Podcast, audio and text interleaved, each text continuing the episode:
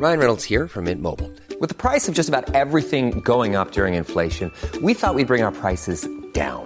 So to help us, we brought in a reverse auctioneer, which is apparently a thing. Mint Mobile unlimited premium wireless. Ready to get 30, 30, bit to get 30, bit to get 20, 20, 20, bit to get 20, 20, bit to get 15, 15, 15, 15 just 15 bucks a month. So, Give it a try at mintmobile.com slash switch. $45 upfront for three months plus taxes and fees. Promo for new customers for limited time. Unlimited more than 40 gigabytes per month. Slows. Full terms at mintmobile.com. Ya, ya, ya. Halo pendengar GGMI Podcast, baik lagi bersama kita bertiga dan akhir pekan kemarin menjadi seolah apa ya bisa dibilang finalisasi. Sepertinya empat besar sudah di satu tangan di MU ya setelah kita berhasil memenangkan game away melawan Nottingham Forest dengan skor yang ya bisa dibilang cukup meyakinkan 2-0 clean sheet terlepas dari berbagai macam kendala dan juga injury ya yang kita punya. Tapi gue mulai dari starting line up. Di mana menurut gue kita pasti akan menemukan banyak anomali ya. nggak ada Varane, nggak ada Licha, nggak ada Shaw, nggak ada Malaysia dan empat-empatnya adalah pemain-pemain lama, muka lama lah kita sebut yang ngomongnya gitu. Dan kita udah cukup jengah sebenarnya dengan nama-nama ini di musim lalu gitu kan. Tapi kemarin menurut gue mereka berempat main luar biasa. Dari mulai Maguire, Lindelof, terus juga Dalo dan juga Wan Bisaka. Nah gue mulai ke Alvin menurut lu secara backline di empat apa yang lu bisa ambil Vin dari pertandingan kemarin Vin? Iya, sebenarnya gue pun gak yakin ya awalnya dengan Maguire dan Lindelof karena memang uh, duet ini kan sebetulnya udah main ya dari zamannya Oleh dan nggak begitu jelek, tapi kalau untuk ke titel juara memang nggak begitu meyakinkan. Dan duet uh, primary ya di zaman Oleh ternyata di zamannya Ten Hag ini menjadi backup ya, dua backup gitu. Jadi kan menunjukkan betapa mediocre kita di musim lalu, di musim-musim sebelumnya gitu. Jadi um, kalau untuk pairing dua CB kita memang seperti itu. Kemudian Wan Bisaka ya memang uh, udah menjadi andalan juga ya di musim ini. Nah, yang menariknya adalah ya itu Diogo Dalot di sisi kiri, yang mana itu sebetulnya bukanlah posisi baru bagi dia karena di AC Milan pun udah sering ya dia main sebagai LB. Cuma di zaman Tenang ini kan hampir nggak pernah. Selalu kalau nggak show, ya itu Malaysia yang menjadi backupnya. Cuma sayangnya memang kemarin Malaysia kan ternyata cedera lutut ya. Abis mungkin gol bunuh diri melawan Sevilla, dia langsung cedera lutut, nggak tahu sampai kapan, dan ternyata akhirnya Diogo Dalot yang bermain gitu. Dan ternyata memang ya buat gue ya, dan juga gue yakin banyak fans yang setuju gitu ketika menonton, Diogo Dalot ini salah satu penampilan terbaik ya kemarin karena ketika dia di back kiri dia menjadi ala-ala Cancelo atau Zinchenko yang bermain invert ke dalam. Dia menjadi DM additional di sampingnya Casemiro. Dan puncaknya ya dia bisa uh, masuk ke dalam dan late dan akhirnya mencetak gol ke gawang uh, Keller Navas. Itu sih menurut gua backline. Kemarin sebetulnya terlepas dari banyaknya cedera ya bahkan cedera kita itu bisa dibikin line up sendiri itu ternyata kita cukup solid sih kemarin. Hmm, I see. Dan gue cukup yakin ya, secara nilai rating juga kemarin oke-oke tuh. Backline kita termasuk mungkin De Gea. dia tuh. Mm -mm, segala macam. Nah, gue menanyakan nih ke lu nih, Ung. Itu kan kemarin kita ngomong di tengah ya. Dan menurut gue agak cukup mengagetkan karena Sabitzer tuh katanya mau jadi starting. Tapi ternyata di latihan atau bisa dilihat pas lagi saat pre-match, dia tuh cedera gitu. Kadang ngebuat akhirnya uh, apa mitrinya tuh ya Fernandes sebagai nomor 8 terus juga akhirnya nomor 6-nya double pivotnya Casemiro dan juga Erikson gitu. Nah, lo ngelihat apa nih yang kita lihat dari tiga pemain ini yang akhirnya kembali bersatu lagi setelah mungkin entah ada satu kartu merah, yang satu cedera gitu kan. Apa yang bisa dari penampilan tiga midfield kita dari kemarin, Ung? Ya, we're back to business lah, bro, gitu. Karena uh, mungkin banyak orang lupa ya, kita tuh uh, apa namanya beli bukan beli ya meminjam Sabitzer itu kan karena Erikson cedera di bursa transfer Januari kemarin gitu loh. Jadi uh, kembalinya Erikson memang sudah sepantasnya uh, apa ya kita bisa melihat performa terbaik uh, midfield kita lagi gitu dan kemarin tidak hanya Erikson yang bermain bagus tapi Bruno Fernandes juga benar luar biasa. Uh, gue sempat baca tidak ada pemain dengan jumlah man of the match terbanyak selain Bruno Fernandes sejak uh, Bruno Fernandes join ke Manchester United di Februari 2020 dengan total 33 man of the match award tuh menurut gue gila sih.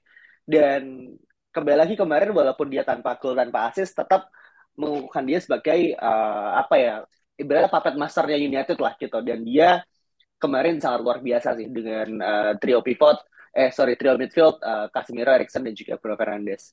Hmm oke okay ya. Dan kemarin berarti emang ya seperti biasa kita kembali pada masa kejayaan di era tengah musim ya di mana tiga midfield ini kalau mereka bermain kita hampir jarang pernah kalah gitu kan. Dan akhirnya kemarin ya menunjukkan seperti biasa dan gue setuju tuh. Kemarin Bruno belum pernah kalah bahkan iya belum pernah kalah kan? Dari ketika mereka bertiga main bareng gitu. Kan Bruno tuh hampir ya mencetak gol menurut gue indah banget gitu kan. Dari one to pass dari corner kan bareng Erikson gitu. Sayangnya emang Keylor Navas juga lagi on fire banget sih men gitu kemarin ya. Uh, dan save-nya dia fingertip itu menurut gue adalah hal yang mungkin dia juga kaget ya. Boleh tiba-tiba kena tiang dan bergetarnya benar-benar sang kencang gitu kan. Tapi gue setuju gol pertama dia adalah orang yang memberikan langsung direct pass ya. Bahkan pakai pakai kaki kiri gitu kan. Dan di finishing Martial kepental Anthony menyelesaikan dan gol kedua Anthony akhirnya menjadi orang yang akhirnya memberikan assist. Nah, gue lihat kalau lagi nih Ung.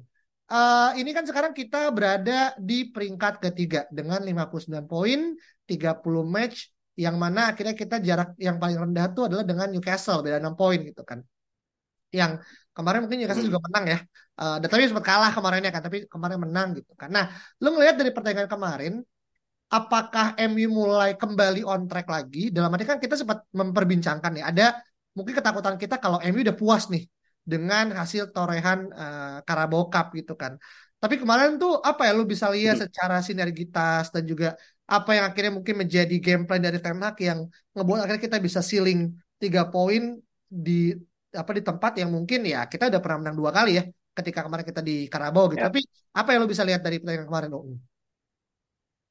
kalau dari pertandingan kemarin sih uh, dengan squad yang kita punya sekarang tentu sebenarnya bukan hal yang luar biasa gitu ya karena uh, back four yang tadi lo mention itu di musim lalu kan uh, starting line up ya pemain-pemain inti gitu di mana di masa-masanya oleh pun juga uh, tidak hanya mereka bisa mencapai peringkat dua tapi juga bisa going away unbeaten selama hampir satu setengah musim gitu. Jadi dengan bisa mengalahkan Nottingham Forest dengan skor hanya 2-0 menurut gue sih ya uh, pencapaian yang normal lah gitu. Gue tidak ingin terlalu melebih-lebihkan gitu kan. Cuman uh, apakah ini bisa menjadi uh, momentum bahwa United akan propel lagi ke top 4? Tentu iya gitu karena secara result tidak hanya di uh, match malam uh, bagi United dan Nottingham Forest tapi juga Newcastle juga turun poin gitu kan. Uh, Tottenham Hotspur juga hilang poin juga. Gitu. Jadi memang dengan uh, kita memaksimalkan poin yang kita punya sekarang, game plan yang kita punya, ya itu udah sangat uh, bagus sih. Cuman kembali lagi gitu, dengan uh, injury gitu yang kita punya, gue masih sedikit apa ya, uh, ada keraguan lah gitu. Apakah United masih bisa uh, mengukuhkan uh, posisinya di uh, top 3 ya? Gue nggak mau bilang top 4 ya, top 3 gitu di musim ini. Karena um, apa yang kita lawan kan kemarin itu bottom half banget kan gitu. Ya. Sementara yeah. kita masih masih ada Brighton mungkin masih ada Sevilla nanti di uh, next week ini uh, akhir apa tengah pekan ini jadi kayak kalau misalnya kita hilang fokus gitu tidak take game uh, by game menurut gue sih akan sangat berbahaya. Hmm, hmm oke. Okay. Jadi kasar tuh kemarin momentum lebih kepada untuk mengembalikan marwahnya MU untuk bisa mengejar minimal ya empat besar gitu kan. Gue nggak bilang kita akhirnya bisa ketiga karena tiga empat ini kan cukup ketat ya. Gimana Newcastle dan juga MU nih sama-sama hmm. apa namanya balap-balapan lah ya gitu. Dan sekali ada yang kepleset itu akan menjadi suatu bumerang gitu kan buat mereka karena akan langsung disalip segala macam gitu. Tapi uh, kemarin juga perlu kita apresiasi bahwa saya kemarin kan ada gol pertama Dalo kan di uh, apa IPL ya di English Premier League gitu kan. Di mana ini mungkin akan ngebuat Dalo yang awalnya kan dia mungkin quote unquote banyak fans MU yang ngerasa kayak Dallas it finish gitu. Apalagi ketika Wan Bisaka sangat blooming kan. Dan kemarin pun juga menurut gue dia main juga cukup oke okay, hmm. gitu Wan Bisaka gitu. Tapi ketika akhirnya taruh di kiri, mungkin mungkin ya bisa jadi ketika Xiao cedera dan Malaysia juga apa segala macam ya why not akhirnya mengembalikan dia pada posisi yang inverted gitu.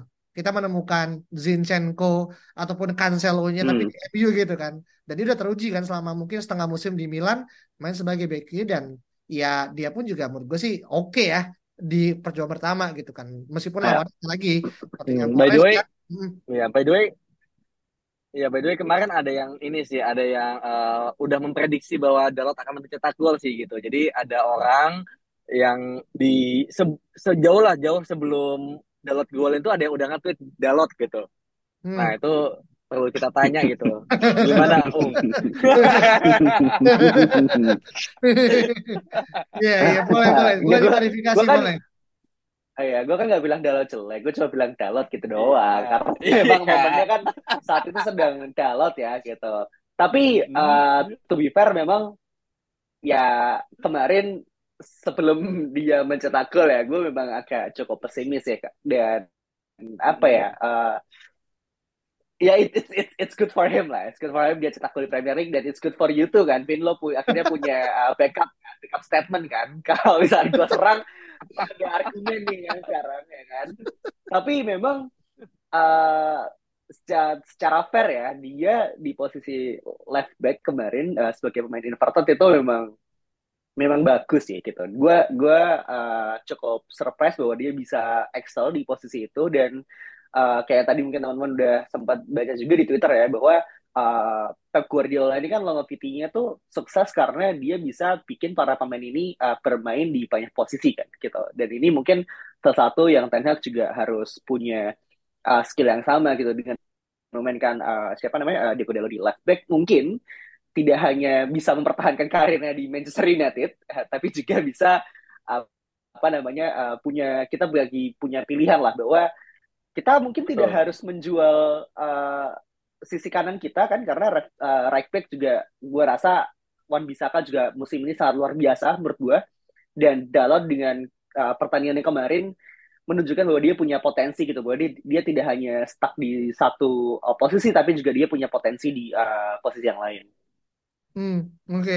Jadi ini bisa menjadi dilema ya, nggak cuma secara kontrak tapi juga secara posisi ya. Karena kan juga kemarin di apa episode sebelumnya kita sempat bahas masalah Frimpong kan. Ini kan semakin complicated, eh complicated tapi dalam konteks yang positif. Jadi kita lihat lah ya. Dan tentu yang akhirnya nggak nggak yang sering diperbincangkan adalah terkait dengan bagaimana selebrasinya Dalo dan juga Anthony ya yang akhirnya berhasil menemukan kompatriotnya walaupun beda negara gitu dan diakhiri dengan senyuman apa poker face dengan Maguire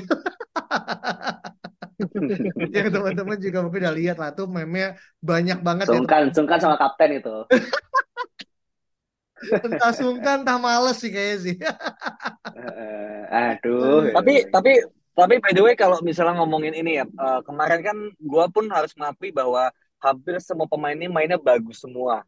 Nah gue pengen tahu Kecuali gitu kalau dari di Iya, lumayan dia ada muk- mukul satu orang kan, mukul back satu kan. Ya, ya, ya, ya, ya. Iya, nah itu kalau gue mau nanya ke dia sekali ya, itu menurut lo pemain terbaik itu siapa kemarin? gue setuju sama Saung sih sebenarnya Bruno Fernandes tuh deserve satu gol itu minimal ya dan dia unsung hero-nya kita kemarin gitu gue nggak bilang akhirnya perannya Casemiro ataupun Erikson juga jadi hampa gitu tapi menurut gue dia tuh adalah pre-assistnya gol pertama dan juga gol kedua gue dari apa yang gue tangkap ya dia juga terlibat juga dalam apa ini juga kan untuk akhirnya bisa mencapai ke Anthony gitu. Jadi gue ngerasa Bruno ini adalah orang yang ya tadi gitu kan orang yang udah layak menjadi legend menjadi hero gitu kan. Cuman masalah trofi dan kemarin tuh menunjukkan kalau dia bahkan uh, dia kan bahkan nulis ya setelah dari sesi uh, pertandingan berakhir kan di post match kan dia bilang tuh di uh, satu interview dia bilang kayak yang itu adalah tiga angkanya gitu. Karena kita membutuhkan ini untuk bisa uh, mencapai ke zona Liga Champions bayangin kalau misalkan dia adalah orang yang egois gitu. Dia kan bilang gitu, wah iya tadi hampir tuh gue yang tak gol misalkan ya dengan narasi yang mungkin lebih dia banget, tapi dia memilih yang penting adalah kita mencapai tiga eh apa empat besar gitu kan, dan menurut gue itu adalah hal yang di luar lapangan dan juga dalam lapangan dia menunjukkan kalau ya emang dia deserve lah, nggak cuma sebagai kapten tapi juga sebagai mungkin legend yang masih hidup dan masih bermain kayak gitu sih. Hmm, iya ya. Saung berarti udah tadi ya Bruno Fernandes juga ya. Ya kalau Alvin siapa nih? Maguire. gue jujur gue malah gue malah menurut gue Anthony sih men Oke. Okay. Anthony itu mungkin kemarin adalah 90 menit terbaik dia ya Se apa namanya setelah kita membeli sebanyak 100 juta pounds tuh mungkin kemarin ada sedikit justifikasi lah kenapa kita beli dia semahal itu gitu.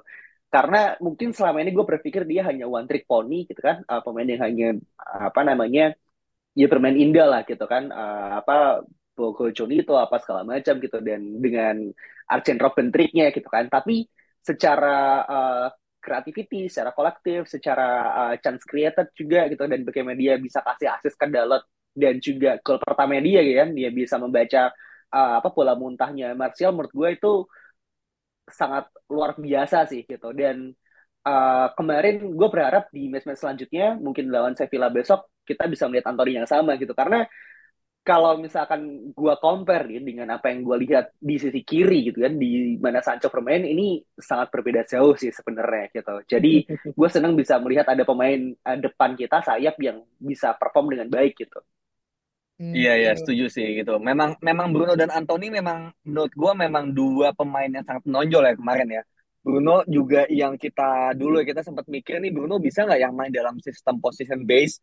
Ternyata ya menurut gue ya meskipun Bruno ini bukanlah pemain yang uh, kalau di zaman Ole adalah pemain yang gol lama asisnya banyak banget kan gitu mungkin dua digit gitu tapi kalau sekarang kan kalau nggak salah golnya juga cuma lima atau cuma di bawah 10 asisnya mungkin ya yang bisa 10 lebih gitu dan dia tuh bukan main man lagi sekarang gitu. Cuma menurut gue inilah momen di mana Bruno ini lebih improve daripada musim-musim sebelumnya. Karena dia udah lebih menyatu terhadap sebuah sistem dan dia menurut gue udah jauh lebih bagus lagi.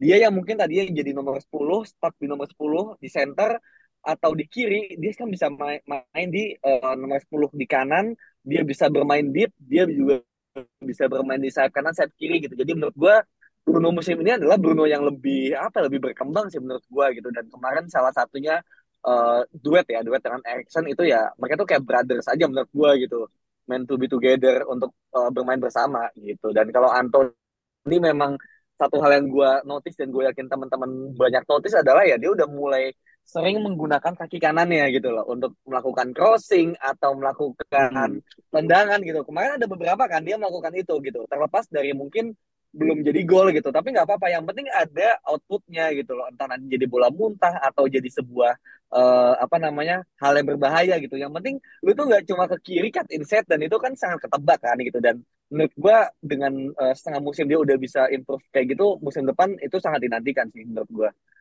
Hmm, Iya, yeah, yeah, setuju sih, setuju banget gue. Setuju, setuju, setuju. Dan apa yang kita nantikan sebenarnya akan menjadi klimaks ya dan di pertandingan minggu ini gitu kan di mana kita akan bertandang ke Zevia ya uh, di apa namanya Ramon ya uh, Ramon Sanchez Pizuan di mana Aco Ramon Yes. di mana kita Pakai Padang Pak itu, Pak.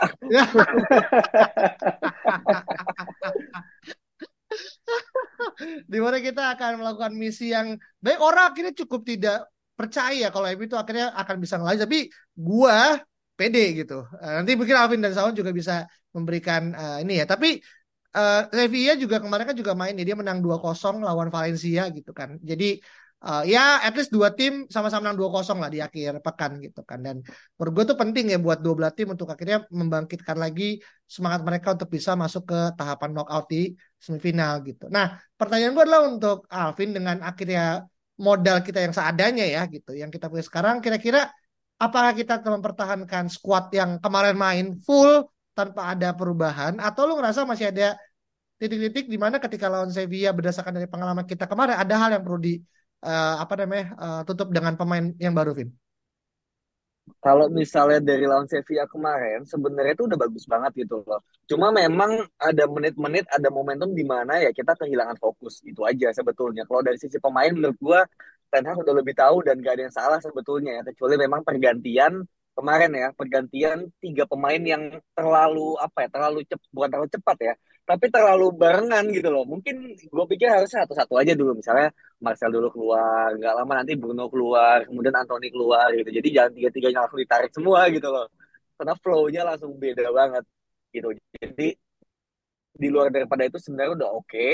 dan ketika kemarin Nottingham ini um, kita bisa menang meyakinkan dan yang menurutku mainnya bagus banget ya gitu loh. Banyak banget kombinasi-kombinasi yang pada akhirnya entah itu jadi gol atau enggak tapi at least kelihatan bahwa chemistry-nya ada. Dan gue rasa itu akan dilanjutkan di Sevilla nanti eh, pemain-pemainnya ya. Kecuali mungkin ya Bruno Fernandes ya yang suspension dan ini sangat-sangat disayangkan gitu loh. Ketika Bruno lagi panas-panasnya lagi on fire dan lagi mungkin mencari gol atau asis kali ya gitu yang mungkin benar-benar ada di score sheet itu ternyata malah dia suspend gitu untuk sesuatu yang kemarin yang menurut gue sih ya ini ya dicurangi ya menurut gue gitu loh. Dizolimi ya. Dan jadinya menurut gue iya dizolimi benar gitu. Yang mana ini yang menurut gue akan sangat mempengaruhi gitu. Karena Erikson menurut gue ya jauh lebih bagus main deep gitu main sebagai double pivot bersama Casemiro gitu. Dan Bruno Fernandes kan lebih kepada apa ya final passnya gitu. Dan ya satu-satu yang bisa menggantikan posisi dia nantinya ya adalah Fred. Karena Sabitzer itu lagi cedera kemungkinan ya dan gue nggak yakin bisa langsung main. Dan ya Fred bakal di nomor 10 dan ya kita expect ketika Fred bermain di sana ya bukanlah kreativitas gitu tapi adalah ya fighting spirit dan juga mungkin ya pressing yang benar-benar tanpa henti gitu itu yang bisa kita harapkan ya dari seorang Fred gitu yang mana udah jarang bermain juga sekarang gitu tapi kalau untuk sisanya kayak Casemiro Erikson kemudian depan Martial mungkin kalau kemarin non Sevilla 60 menit kemarin Nottingham 70 menit, mungkin nanti 80 menit gitu kan. Kita akan melihat menit-menit yang bertambah 10 menit ya gitu kan dari Martial kalau hmm. Anthony Sancho lo, udah pasti ya, ya, hmm, ya. apa ya ya gimana lo nggak mau lihat uh, Weghorst di nomor 10 lagi Vin waduh. Waduh. Wah sebenarnya bisa aja sih gitu bisa aja. Cuma apa ya gue melihat ketika itu kan mungkin Rashford gitu ya yang punya kecepatan dan mungkin dia bisa bermain ke kiri juga gitu. Pergantiannya cuma kalau sekarang Martial kayaknya gue rasa dia bakal nanti stay di center gitu loh untuk pada akhirnya turun drop deep gitu sih. Tapi tapi gue juga ini sih apa namanya gue nggak against the idea Weghorst nomor 10 gitu. Gue oke okay aja gitu. Tapi gue rasa tetap bakal Fred sih.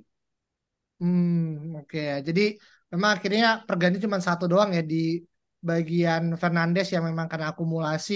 Tapi setidaknya ketika diakumulasi, kalau kita lanjut ke babak semifinal dia bisa main full ya. Harusnya ya gitu kan. Tapi will sih karena besok adalah jembatan harus dilalui dulu sama Erik Ten Hag CS gitu kan untuk akhirnya kita bisa maju ke babak berikutnya gitu. Tapi gini, kalau kita ngomongin masalah uh, apa ya, kita bertandang ke tim Liga Spanyol musim ini kan kita udah sering ya, udah hampir empat kali ya kita main dengan berbagai macam tim dan ya Sevilla is just another mungkin kalau Alvin kan sempat bilang kan eh, Liga Spanyol adalah taman bermain ya Vin ya.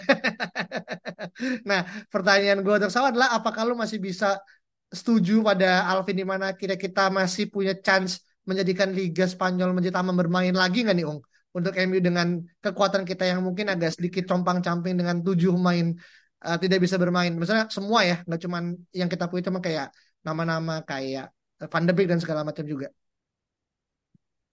Hmm.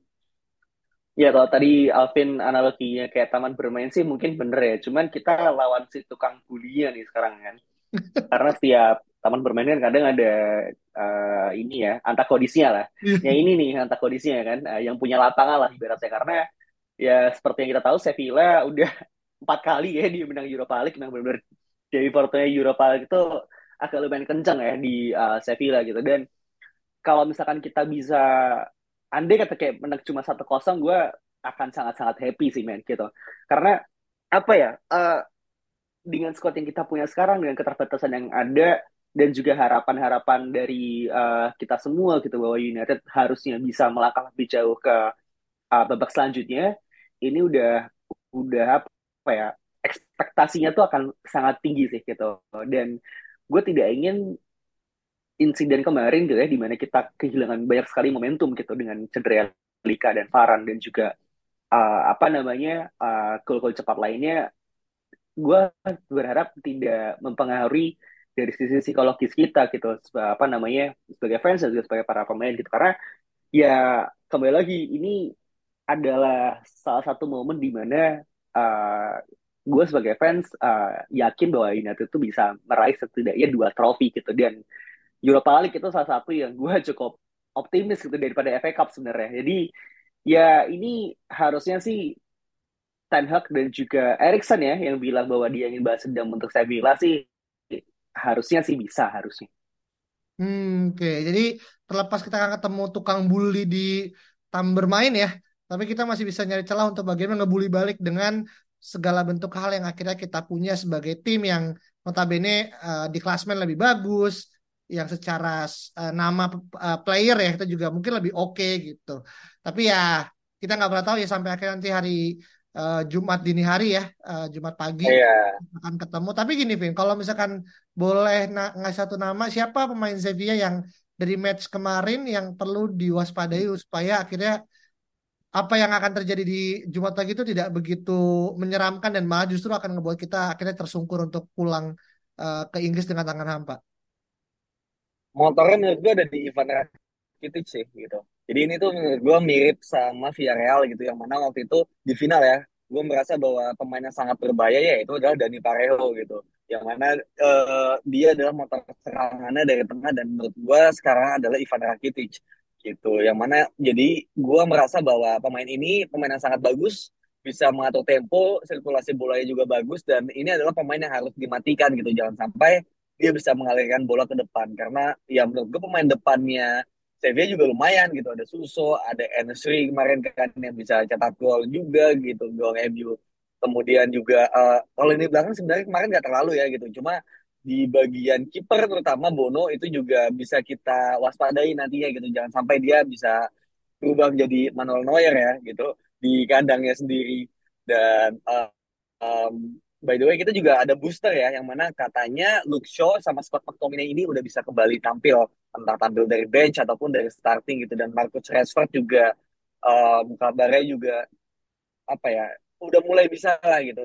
Kita tinggal lihat lagi uh, nanti aja gitu di sesi latihan uh, mungkin besok kali ya atau nanti malam gitu. Itu apakah sudah ada tiga pemain itu? Dan kalau ada itu benar-benar menurut gua even ada di bench aja itu udah jadi booster gitu. Jadi kalau udah seperti itu menurut gue ya kita nggak perlu takut lagi. Siapa pun pemain yang ada di Sevilla yang bermain asal kita punya mentalitas yang kuat dan juga fokus yang baik gitu. Selama 90 menit menurut gue dengan harapan saung yang satu gol aja udah seneng ya gue udah jauh lebih dari seneng gitu karena dengan kita sekarang udah dua-dua skornya selisih satu gol aja udah sangat menentukan gitu. Jadi menurut gue kalau ditanya siapa pemainnya Rakitic gitu. Tapi menurut gue lebih baik kita fokus sama mentalitas dan fokus diri sendiri aja sih. Hmm I see I see. Jadi emang ini bener-bener ini ya apa kita perlu waspada karena jangan sampai gol-gol menit terakhir kan. Meskipun kemarin emang nyetak gol semua main MU semua. Tapi uh, tapi gue gue cukup apa ya gue cukup merasakan intensitas dan mungkin ketegangannya jujur ya kalau tadi gue bilang gue pede tapi kalaupun harus di, harus dibilang apakah lebih pede mana ketika dulu kita ketemu Barca di leg kedua dibandingkan kita eh, leg pertama dibandingkan kita ketemu sama Villarreal di away gue lebih nggak pede yang sekarang gitu ketimbang lawan Barca. Gue nggak tahu ya apa karena kita skuad lebih lengkap dan segala macam tapi uh, kalaupun misalkan gue boleh milih nama tadi apa yang Alvin bilang Suso tuh bener banget gitu kan karena Suso baru nyetak gol juga kemarin kan pas lawan uh, Valencia gitu kan dan dia juga punya mungkin punya dendam pribadi karena ex Liverpool jadi tetap ada apa ya tetap ada hal-hal yang akhirnya ngebuat bau-bau persaingan tuh akan terus menjadi bumbu lah gitu kan. Tapi kita lihat ya gimana kita segala macam. Nah, mungkin terakhir deh, gue ke Saung.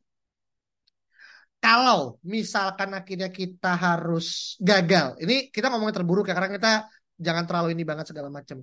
Apa kalau ngerasa ini adalah suatu hal yang tidak diapa-apakan dalam arti wajar karena ya kita skuadnya tipis atau lo ngerasa ini adalah hal yang harus tetap diperjuangkan terlepas mungkin caranya harus sampai let's say ya adu penalti karena kan kalau kita kan sistemnya nggak ada ini ya nggak ada home away kan dua sama ya sama penalti gitu nah lu lu ngerasa gimana Ung?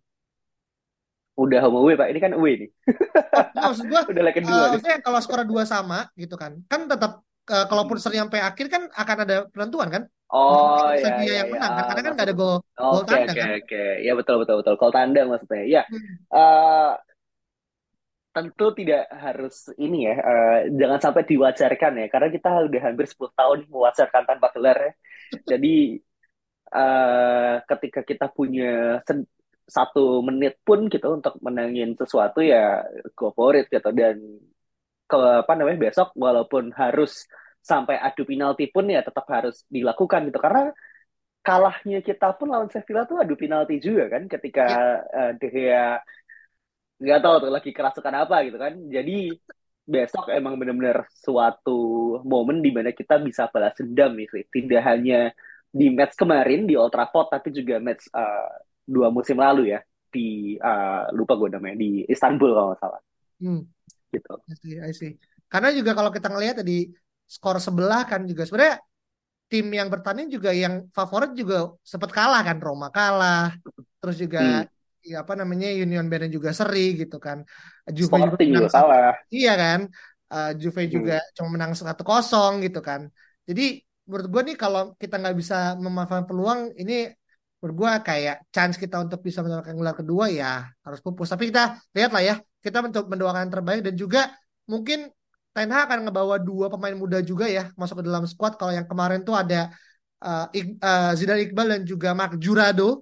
Nah mungkin mungkin karena squad kita yang tipis uh, dia juga akan membawa tim mudanya ya. Meskipun gue nggak gue nggak cukup yakin mereka akan bermain tapi mungkin Siapa? Mark Jurado dan juga Nathan Bishop yang dibawa. nggak Jack Butland kan kemarin kan Jack Butland udah hampir siap-siap tuh kan mau ganti dia banget itu. udah gatal ini kayak gua nih eh Jack Butland muda banget tuh kayak bro. Dia baru baru lulus tuh kayak. untung nggak Tom Hiddleston masuk ke dalam squad ya Waduh. Waduh itu udah Gantiin siapa tuh? McKenna. Ya Iya iya dan itu kira-kira itu ya teman-teman ya pendengar GGB Podcast Gimana kalau teman-teman mungkin punya pendapat berbeda ya untuk lawan Sevilla? Silakan tulis di Twitter kita di @ggmi podcast. Sekali lagi jangan lupa follow Twitter, Spotify, kasih bintang 5 dan juga buat yang mau memberikan apresiasi nih untuk teman-teman GGMU silakan langsung aja scan barcode Saweria kita yang udah ada di spot eh dari dari dari di Twitter. Dan kita udah akan share juga di Instagram. Kalau teman-teman mungkin follow kita juga di Instagram. Dan kita ketemu lagi pada episode berikut ya. Bye bye Imagine the softest sheets you've ever felt. Now imagine them getting even softer over time. That's what you'll feel with Bowl and Branch's organic cotton sheets. In a recent customer survey, 96% replied that Bowl and Branch sheets get softer with every wash. Start getting your best night's sleep in these sheets that get softer and softer for years to come. Try their sheets with a 30-night guarantee. Plus, get 15% off your first order at bowlandbranch.com. Code BUTTERY. Exclusions apply. See site for details.